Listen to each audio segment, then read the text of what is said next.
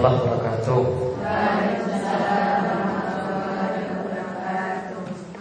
الحمد لله رب العالمين. حمدا كثيرا طيبا مباركا فيه كما يحب ربنا ويرضى. وأشهد أن لا إله إلا الله وحده لا شريك له. وأشهد أن محمدا عبده ورسوله. اللهم صل على نبينا وسيدنا محمد وعلى آله ومن تبعه بسنة الدين. Bima 'allamtana wa 'allimna ma yanfa'una wa zidna ilma Baik, ibu-ibu para jamaah yang mengikuti selalu dirahmati Allah Subhanahu wa taala. Kita bersyukur kepada Allah atas nikmat dan karunia yang telah Allah berikan kepada kita sekalian sehingga pada kesempatan malam hari ini kita akan kembali mengkaji dua pembahasan pertama tafsir juz amma yang terakhir surat apa? Al-Qadar dan kali ini kita akan lanjutkan dengan surat Al-Alaq. Iqra bismi rabbikal ladzi khalaq.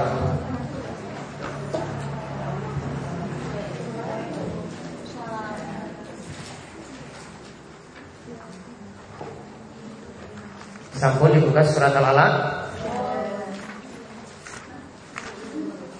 Ini disebut Al-Alaq karena ayat pertama Iqra bismi rabbikal ladzi khalaq khalaqal insana min alaq. Pada ayat kedua disebut alat, maka disebut dengan al-alat.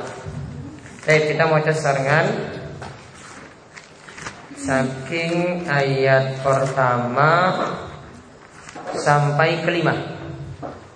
Ya, ayat pertama sampai kelima. Ayat monggo sarangan saking ta'awudz. A'udzu billahi minasy syaithanir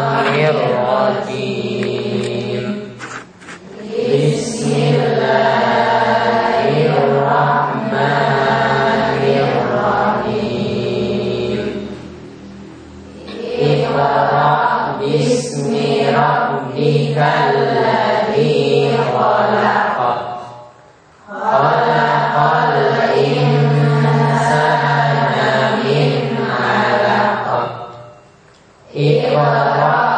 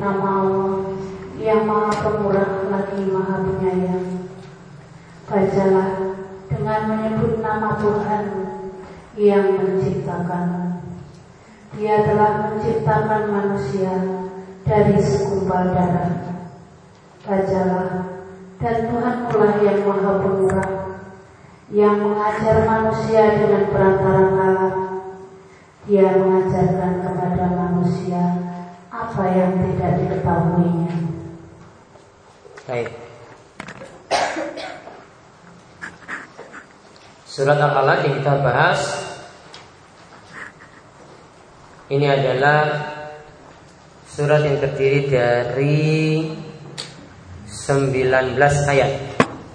Kita lihat dulu Ayat-ayat satu persatu. Saking surat Al-Alaq tersebut. Tulis dulu keterangan mengenai surat Al-Alaq.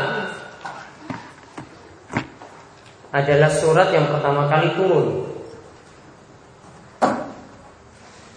Surat Al-Alaq adalah surat yang pertama kali turun.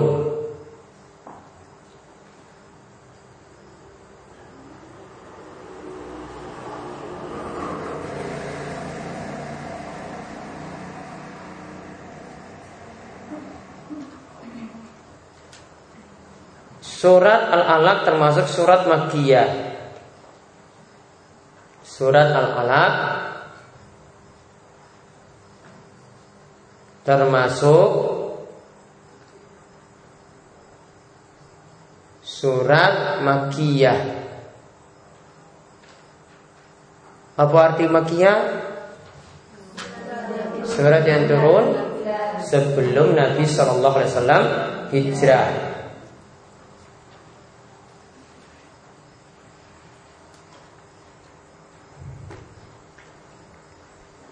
Ditulis lagi lanjutannya Surat tersebut turun Di awal-awal kenabian. Surat tersebut turun Di awal-awal kenabian.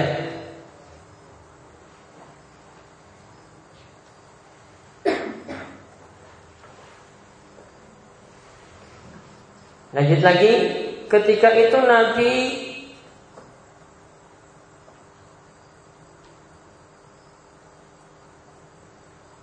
tidak bisa baca tulis. Tidak bisa baca tulis.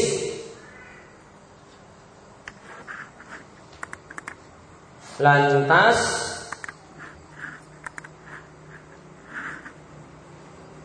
Jibril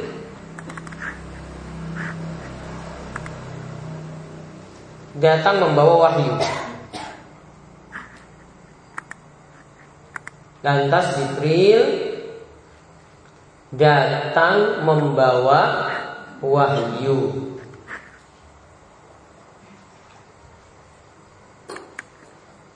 Nah, ketika itu dilanjutkan lagi ketika itu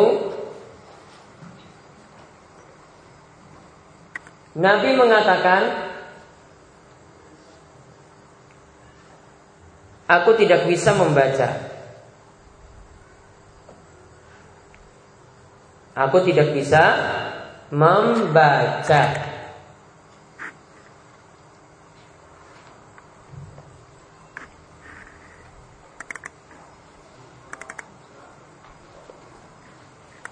Ya, aku tidak bisa mem membaca. Saya terangkan dulu, saya potong dulu.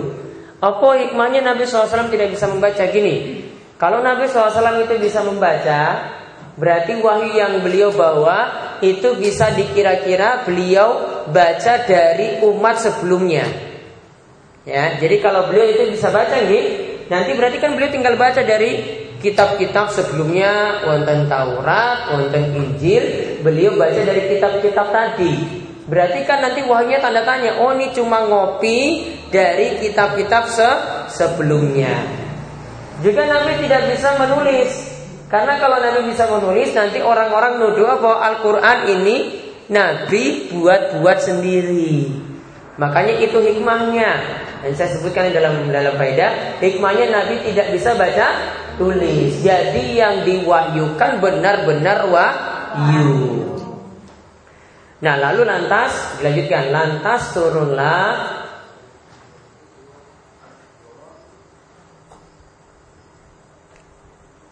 lima ayat pertama.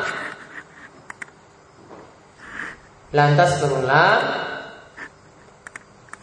lima ayat pertama dari surat Al-Alaq. Lantas diturunkanlah lima ayat pertama dari surat Al-Alaq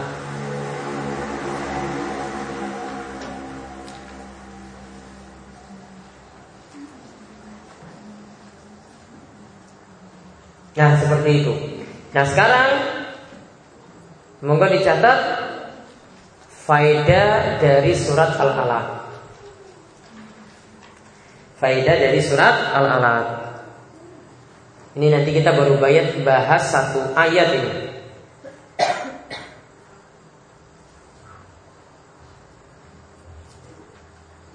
Kita baru bisa bahas satu ayat. Ya, karena perlu dipahami nggih ibu-ibu nggih, ini kalau kita kaji sesuatu dalam Al-Qur'an itu faedahnya itu banyak. Semakin orang dalami, maka nanti dapat faedah yang banyak. Kalau orang kurang mendalamnya, faedahnya itu sedikit. Maka kita lihat sekarang faedah yang pertama.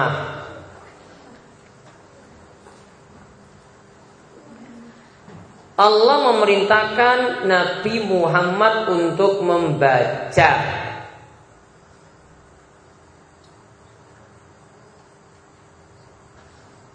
Allah memerintahkan Nabi Muhammad untuk membaca.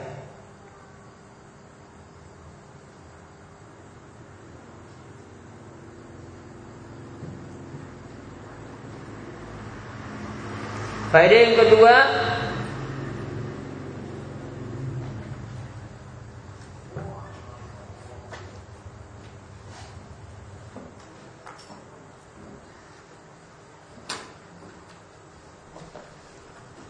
Hadis uh, ayat ini menunjukkan keutamaan ilmu.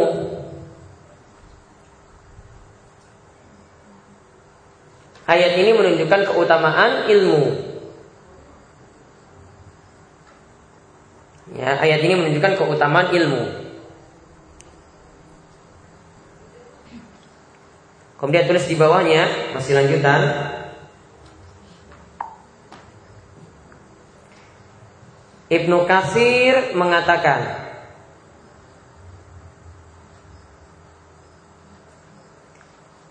Ibnu Kasir mengatakan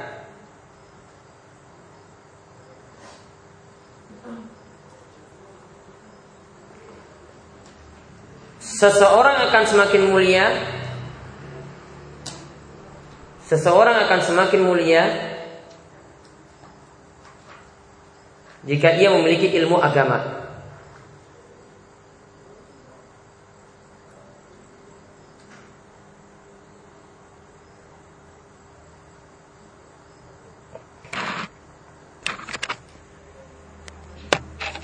Seseorang akan semakin mulia dengan memiliki ilmu agama.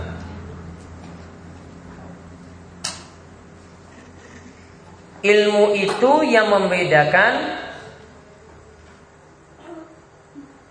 Adam dengan para malaikat. Ilmu itu yang membedakan Nabi Adam dengan para malaikat.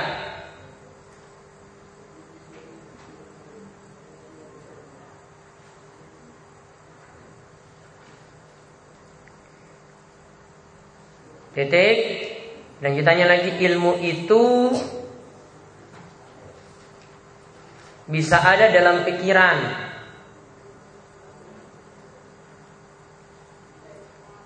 Ilmu itu bisa ada dalam pikiran. Koma bisa pada lisan.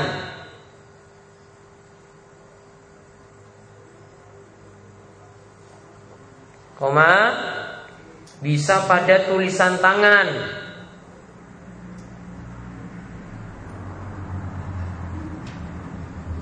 Ya, tulisan tangan tadi nggak bisa terangkan. Tulisan tangan tadi kita nulis itu karena dari pikiran dan bisa jadi dari omongan. Dia tulis apa tadi yang dia dapat. Kemudian faedah yang keberapa? Tiga. Itu tadi perkataan Ibnu Kasir titik sampai di situ.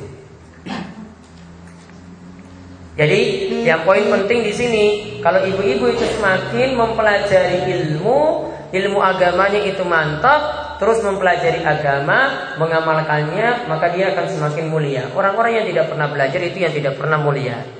Maka kalau menjadi orang yang mulia di dunia, begitu juga di akhirat, harus belajar agama.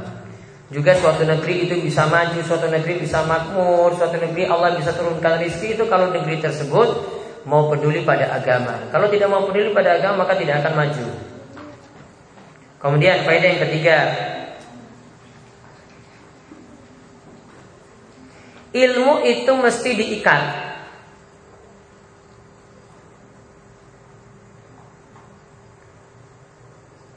Ini kita bukan bahas ayat saja, tapi saya simpulkan ke ayat 5. Ya.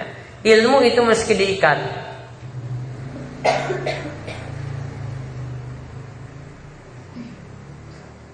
Disebut dalam hadis disebut dalam hadis ikatlah ilmu dengan tulisan. Ikatlah ilmu dengan apa? Tulisan. Tidak harus jadi kebiasaan pandai nulis.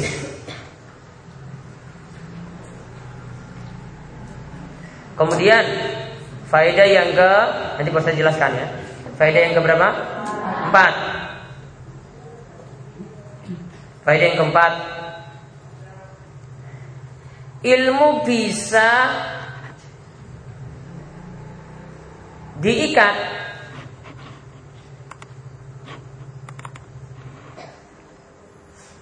dengan diamalkan. Ilmu bisa diikat dengan apa? Diamalkan. Ilmu tadi itu kita ikat kuat-kuat itu kalau diamalkan. Berarti tadi bisa dua nggih? Yang pertama dengan apa ilmu diikat? Tulisan. Kemudian yang kedua diamalkan. Maka gini, kalau lagi belajar, konten ceramah, konten pengajian, itu bawa catatan.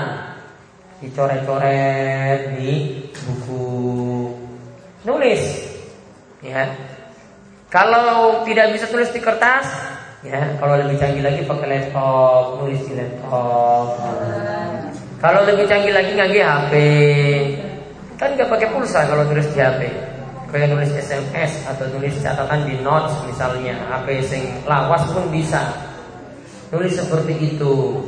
Ya atau ilmu tadi itu disimpan. Kalau dapat pesan SMS itu disimpan terus seperti itu. Seperti kan memorinya banyak ya seperti memorinya banyak kalau nggak ada memori tidak bisa simpan apa-apa ya, makanya beli HP baru yang bisa simpan memori banyak nah kalau sudah bisa disimpan tadi, tadi kan bisa lewat tulisan gitu. Ini manfaat. Jadi dengar kajian apa sing diceramake kemudian ditulis. Nanti dikumpulkan dalam buku. Nanti kalau butuh sesuatu lihat lagi catatannya. Manfaat. Nah, kalau di zaman ini ya di zaman ini itu sudah ada misalnya media-media sosial bisa sebarkan ilmu tadi di media sosial wonten Facebook, wonten BlackBerry, wonten apa meneh? WhatsApp itu sebar kepada orang lain. Jadi orang lain dapat manfaat, kita sudah nyatat, orang lain juga dapat manfaat dari catatan kita. Ya kecuali kalau nggak bisa seperti itu berarti nanti tinggal dicatat ya nanti diulang pada suami, pada anak-anak seperti itu. Yang penting ilmu tadi dijaga seperti tadi ada tulis tulisan. Maka disebutkan tadi dalam hadis Qaidul ilma bil kitabah. Ikatlah ilmu dengan tuh tulisan. Makanya para ulama dulu mereka itu kalau ikut kajian punya catatan. Kalau catatannya itu hilang, maka hadisnya sudah sudah hilang juga. Ya, karena mereka cuma bermodal catatan saja. Kalau catatannya ada, maka ketika itu bisa sampaikan hadis. Kalau catatannya hilang, terbakar, dibuang di mana gitu ya kayak sebagian ibu-ibu nggak tahu catatannya itu nanti yang dulu-dulu itu di mana. Ya nggak tersimpan baik. Ya itu harus dijaga. Ya file-file yang ada dulu itu disimpan. Nah kalau tidak disimpan ya sudah ilmu tadi juga akan hilang. Kalau dia menyampaikan sesuatu juga ditolak nah itu fungsinya tadi ada catatan kemudian yang kedua tadi ilmu itu tadi diamalkan misalnya kemarin kita bahas kalau lagi galau, lagi dapat masalah berat baca apa? Ya Hayu Ya Qayyum bi rahmatika asadis. Terus lanjutannya wa aslih li sya'ni kullahu wa la takilni ila nafsi tarfata ainin abada. Itu Nabi SAW itu katakan kalau punya masalah berat beliau baca doa tadi bisa sampai ya hayya qayyum bi rahmatika. Kalau ilmu tadi dipraktekkan terus, diamalkan terus nanti bisa lekat.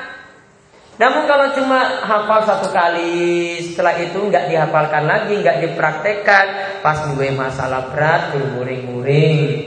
Pas gue masalah berat, cuma bisa buat status misalnya di Facebook, Ya kalau punya masalah berat Ya cuma gelisah pada suami Marah-marah terus di rumah. Nggak baca doa seperti tadi nanti lupa. Maka ilmu tadi biar bisa lekat tadi apa? Diamalkan Sekali lagi ilmu bisa lekat itu diamalkan Contoh misalnya tahu sebelum tidur Disunahkan apa sebelum tidur? Berwudu Jadi wudu dulu Kemudian setelah itu di antara amalannya apa? Baca ayat kursi ini akan terjaga dari gangguan setan sampai subuh. Nah nanti kalau wudhu ini nggak dibiasakan, lama-lama sudah nggak tahu kalau ada amalan sebelum tidur itu kita berwudu. Nggak tahu amalan itu lagi. Makanya tadi diamalkan biar jadi terbiasa. Kemudian tadi baca juga ayat kur, kursi. Malam hari juga baca dua ayat terakhir. Saking surat Al-Baqarah amanah Rasul bima unzila ilaihi rabbihim wal mu'minun. Sampai ayat yang terakhir dari surat Al-Baqarah. Itu juga akan menjaga kita nantinya sebelum tidur. Diamalkan.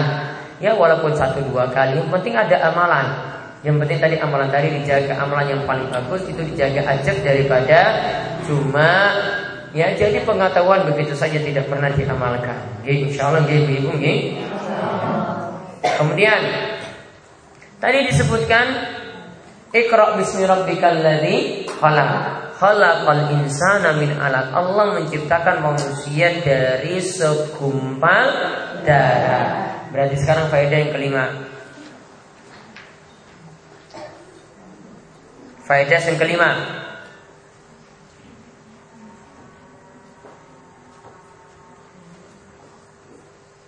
Manusia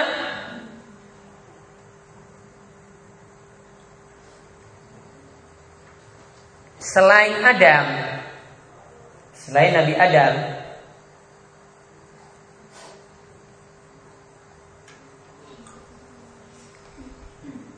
mengalami proses penciptaan.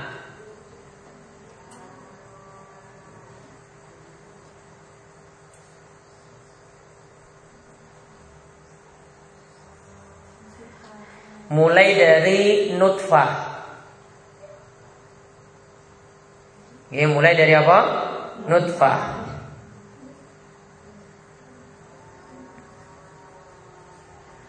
Nutfah itu kumpulan sperma dan ovum. Dalam kurung kumpulan sperma dan ovum.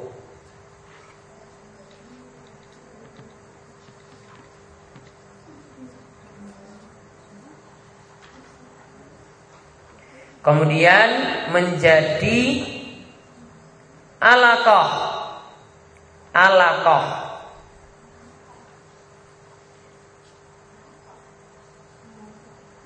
Nutfah tadi kemudian menjadi apa? Alaqah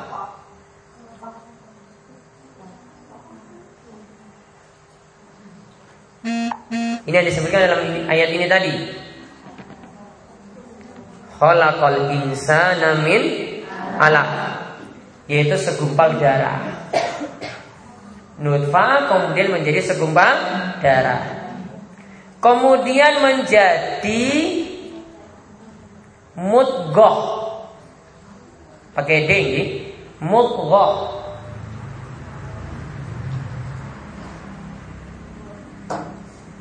Dalam kurung mudghah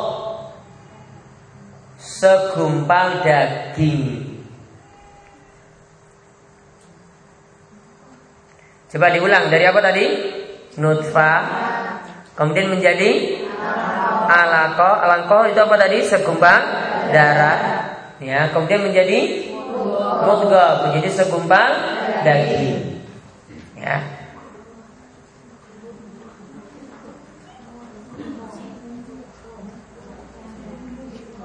Nah, di sini prosesnya tulis lanjutannya prosesnya tiga tahapan tadi Tiga tahapan tadi selama 40 dikalikan 3 Berarti berapa? 120 Selama 40 hari dikalikan 3 Sama dengan 120 Jadi tadi Nutfah terbentuk selama 40 hari 40 hari berarti berapa bulan? Satu bulan lebih. Makanya kalau mau tahu eh, si wanita itu hamil atau tidak, itu tunggu dulu ya sampai satu bulan lebih. Ya kalau baru dua minggu belum, belum kelihatan. Ya tunggu sampai nutfah dulu terbentuk. Kemudian setelah itu alakoh. Alakoh juga selama 40 hari segumpal darah tadi. Kemudian menjadi apa tadi? Mudghah. Mudghah juga selama 40 hari. Barulah setelah itu dilanjutkan. Barulah setelah 120 hari.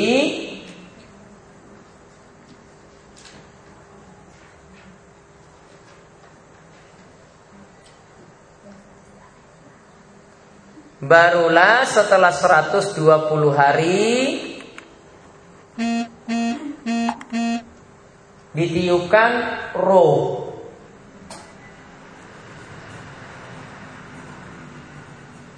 Ya, ditiupkan roh. 120 tadi hari tadi berapa bulan? 4 bulan. Berarti setelah 4 bulan baru ditiupkan roh. Makanya gini ceritanya, kalau ibu-ibu itu ada yang keguguran di bawah 4 bulan, itu berarti belum terbentuk apa-apa. Sehingga itu belum menjadi bentuk bayi. Kalau keguguran di bawah 4 bulan, maka hukumnya bukan darah nifas. Namun darah istihadah, darah kotor. Namun kalau setelah 4 bulan, baru dihukum darah nih nifas. Jadi dia keguguran 6 bulan, 7 bulan itu baru dihukumi darah nifas. Kalau darah nifas baru tidak sholat, tidak puasa. Namun kalau darahnya darah kotor, darah istihadah tetap sholat, tetap puasa. Ceritanya itu tadi karena prosesnya mulai dari nutfah, alaqah, mudghah itu selama 120 hari atau berapa bulan? 4. Maka kalau di bawah 4 bulan itu nggak ada apa-apa. Belum jadi bayi. Kalau sudah di atas 4 bulan baru sudah berbentuk. Maka kalau keguguran hukumannya berbeda. Yang di bawah 4 bulan atau setelah 4 bulan. Nah, itu dulu untuk yang ayat pertama dan ayat kedua. Ini sudah sampai ayat terakhir nanti sampai ayat kelima. Namun nanti lengkapnya kita bahas lagi pada pertemuan berikut.